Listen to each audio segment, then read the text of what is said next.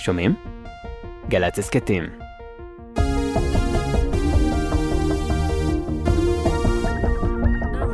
ביותר בעולם כבר שנים, והאם היא עומדת לאבד אותו? ברחבי סין חיים כמעט מיליארד בני אדם וחצי, אבל השבוע הודיעו ברפובליקה לראשונה שהאוכלוסייה הסינית מתכווצת. לאן נעלמים הסינים ומה ההשלכות של השינויים הדמוגרפיים בכתבה של יערה אברהם. בסין כבר ידעו שהרגע הזה יגיע, אבל חשבו שיקחו עוד כמה שנים עד שהלשכה הממלכתית לסטטיסטיקה תודיע רשמית אוכלוסיית סין קטנה יותר מאשר בשנה שעברה. 至十四点一亿人，比上年末减少八十五万人，九百。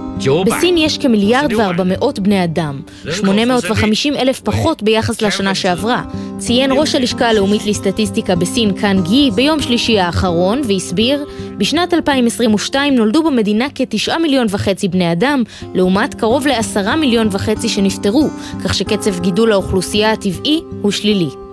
איך הגיעה סין למצב המדאיג הזה שיאלץ אותה לבנות מחדש כלכלה פשוט כי לא יהיו מספיק אנשים בגיל העבודה ביחס לקצב הצמיחה של המשק? ובכן, בשנות ה-50 וה-60 המצב היה אחר לגמרי. הרפובליקה העממית עמדה בפני פיצוץ אוכלוסין והחליטה לנסות לשפר את המצב.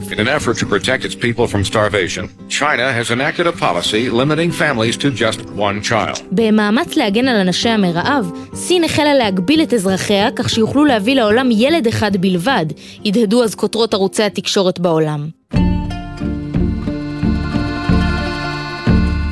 המדיניות המשונה הזו אמורה הייתה לסייע בפתרון המשבר ולחלץ מהעוני, אבל נראה שבמקום לפתור בעיה אחת, היא יצרה שתיים. אני מודאג מהירידה באוכלוסייה, במיוחד בדור שלי שנולד אחרי שנות התשעים ורובנו ילדים יחידים. הנטל שיש על ילד יחיד בטיפול בהוריו, בסבים ובסבתות שלו הוא כבד. משתף אזרח סיני מובטל ומוסיף אם שני בני הזוג עם ילדים יחידים, יהיה להם לטפל בשישה עד שמונה קשישים. מעבר למעמסה הכלכלית, הטיפול גוזל זמן ואנרגיה. סין ניסתה להילחם בפצצת הזמן המתקתקת הזו, ובשנים האחרונות ניסתה לעודד ילודה, אבל נראה שהשילוב בין יוקר המחיה והמדיניות הישנה של הגבלת ילודה עשה את שלו. 其实现在说到要二胎，甚至开放三胎， שינוי המדיניות המאפשר להביא ילד שני או שלישי בסין לא פותר מהותית דבר. העלות של גידול ילד גבוהה מדי. כרגע אין לנו שום כוונה להביא ילד נוסף, מספר לי, תושב בייג'ינג. ואין ספק שגם הקורונה שיחקה תפקיד בתוך הסיפור הזה.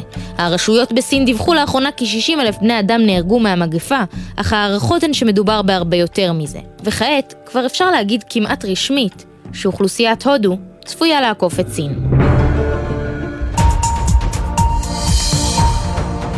ראש המאפיה הסיציליאנית נלכד השבוע אחרי מרדף של 30 שנה, ומעצרו החזיר לתודעה הציבורית את סרטי הפשע האיטלקי ואת הסיפורים המוכרים על עולם צללים שונה לחלוטין ממש מתחת לאף שלנו. מדובר במציאות חיה ובועטת, מציאות בעלת היסטוריה מדממת שהפכה לסמל. הכתבה של שחר קנוטובסקי. Non עוד לא ניצחנו את המלחמה, לא הבסנו את המאפיה, הבהירה השבוע ראש ממשלת איטליה ג'ורג'יה מלוני עם תפיסתו של מתאו דנארו שכונה המבוקש מספר אחת. ואכן, מי שמכיר את ההיסטוריה הענפה של המאפיה האיטלקית, הקוזה נוסטרה, יתקשה להאמין שמעצר כזה יהיה מה שיפרק אותה. נצטרך לחזור בזמן לסוף המאה ה-19 לאי האיטלקי סיציליה. איטליה המאוחדת היא עדיין ממלכה צעירה, ושלטון החוק באי הקטן לוקה בחסר. שנים של הזנחה גורמות לאיכרים לקחת את החוק לידיים וליצור מערכת שלטון מחתרתית, שבראשה אדם עשיר ובעל קרקעות, כנראה בעל עבר בפשע, שמשמש בורר עם שיטות מפוקפקות. סנדק אם תרצו. עם התרחבות ההגירה האיטלקית אל ארצות הברית בתחילת המאה ה-20, היגרו גם המאפיות. קבוצות הפשע המאורגן האיטלקיות-אמריקניות שהשתכנו בלב ניו ג'רזי, שיקגו וערים נוספות, כונו בקיצור המוב. Mobster mob Jersey. ושם, עם הכניסה לארץ האפשרויות הבלתי מוגבלות, החלה גם הכניסה הבלתי נמנעת של הקוזה נוסטרה לתרבות הפופולרית. המרדנות הסיציליאנית קסמה ליוצרים, והועדרה במוזיקה,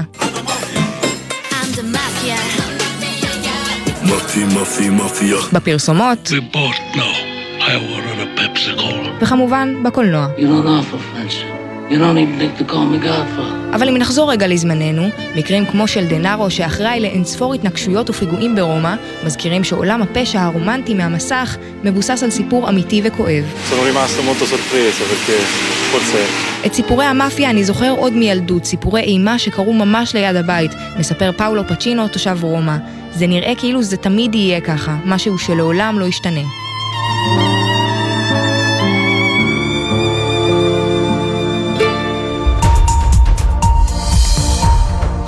השם קווין ספייסי עולה לא מעט לכותרות, ובהקשרים לא טובים במיוחד. אבל כל זה לא הפריע לכוכב שנקשרו לשמו חשדות בביצוע עבירות מין, לקטוף השבוע פרס יוקרתי על מפעל חייו במוזיאון הלאומי לקולנוע באיטליה. כתבת התרבות טליה בנון צור, כל זה מגיע ימים ספורים אחרי שהשחקן הכיש בבית המשפט את ההאשמות נגדו. שלום טליה. שלום עומר. הפרס למפעל חיים הוענק ביום שני האחרון לשחקן בטורינו שבאיטליה, באירוע בנוכחות בנוכחות סגן שר התרבות האיטלקי, שטען כי מדובר בקאמבק של קווין ספייסי, וכי מי שחי את חייו דרך הקולנוע, הוא בן על מוות. נזכיר כי נכון לרגע זה ספייסי מואשם בעבירות מין במספר גברים, ומשפטו באנגליה עדיין מתנהל. בנאום התודה שלו, שהוא בעצם הנאום הפומבי הראשון שלו אה, זה חמש שנים, בחר ספייסי להתייחס לבחירה בו, הבחירה השערורייתית. and my heart is very full tonight toward the Museum of Cinema for having had the la parle to invite me tonight. אני אסיר תודה ומודה למוזיאון על כך שהיו לו הביצים להזמין אותי, כך אמר ספייסי על הבמה. לאחר אירוע קבלת הפרס הקדיש המוזיאון כיתת אומן לספייסי ואת תפקידיו הבולטים על המסך לאורך השנים, אבל מבלי להתייחס לאישומים הפליליים נגדו. האם עבור מאפה קינמון חם שיצא ממש הרגע מהתנור, הייתם מוכנים לשנות את הפתק שאתם שמים בקלפי? בית המשפט העליון של פרובינציית קולומביה הבריטית בקנדה דן השבוע בסוגיה מעניינת. האם החלטתה של מועמדת לבחירות המוניציפליות לחלק שישה מאפה קינמון ולהגיש תה וקפה למשתתפים באירוע בחירות, הייתה למעשה הפרה של חוקי הבחירות במקום. אחת המשתתפות במפגש סיפרה לבית המשפט כי היא לא אכלה את המאפה שקיבלה בשלמותו, והוסיפה כי היא מגוחכת מוכרח לגמרי לרמוז אפילו שהקול שלה נקנה בחוס הקפה והנשנוש. בית המשפט ציין כי המועמדת רכשה רק שישה מאפי קינמון, וכי שניים מתוכם נאכלו על ידי המשתתפים, את היתר לקחה עימה למשפחתה.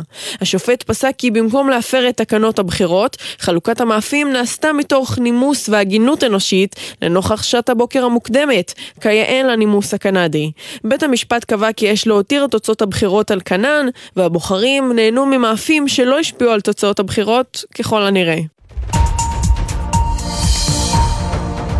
וכהרגלנו נסיים את זמננו הקצר יחד עם אנקדוטה מוזיקלית.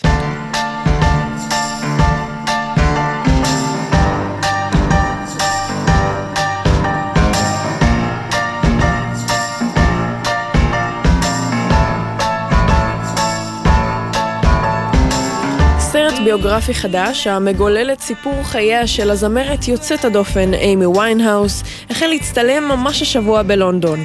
על העלילה היו לא מעט ויכוחים, רבים מהמעריצים טענו שאסור לעסוק במורשת של ויינהאוס, בעיקר בעקבות המחלוקת על שנותיה המאוחרות. ועד שהסרט יעלה לאקרנים וכולנו נוכל לצפות במריסה אבלה נכנסת לנעליה ולתסרוקת של הזמרת הבלתי נשכחת, נוכל להאזין לשיר האיקוני Back to Black, שעל שמו גם נקרא הסרט. אנחנו סיימנו להיום, נגיד תודה לעורך הדיגיטל יוסי ריס, הטכנאי הוא אוהד מנדלאווי, אני עומר עזרן ומתן לוי יהיה איתכם באותו הזמן אבל במקום אחר, בשבוע הבא.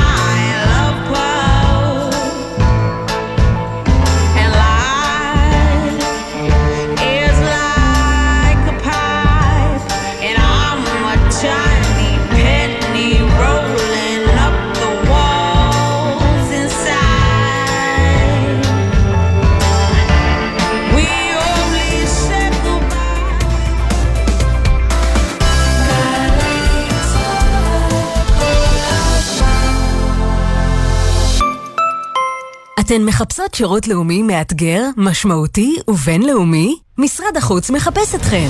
בשירות הלאומי במשרד החוץ תוכלו לתרום ליחסי החוץ של מדינת ישראל, לטפל באח"מים, לעבוד מול שגרירויות בארץ ובעולם ולסייע לאזרחים ישראלים בחו"ל.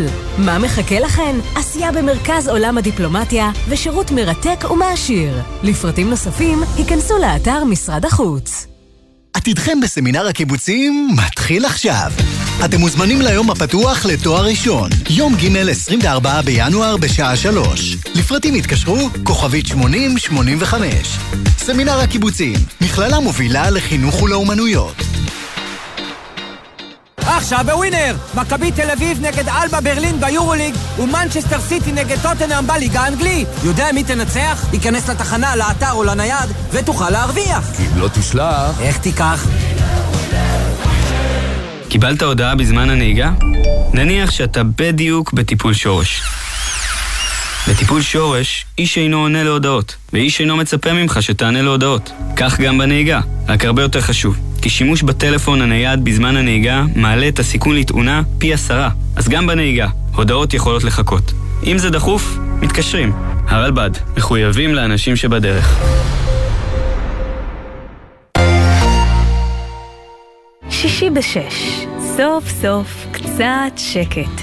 אפשר לשמוע ציוץ של ציפור, רשרוש של עיתון, נחירות של שנץ, אבל כדאי לשמוע את שש בשישי. אנשי תרבות, חברה וספורט באים לאולפן גלי צה"ל עם שש תובנות, גילויים חדשים או סיפורים אישיים מהשבוע החולף. והפעם, פבלה רוזנברג. מחר, שש בערב, גלי צה"ל. מיד אחרי החדשות, עידן קבלר ואורי אוזן.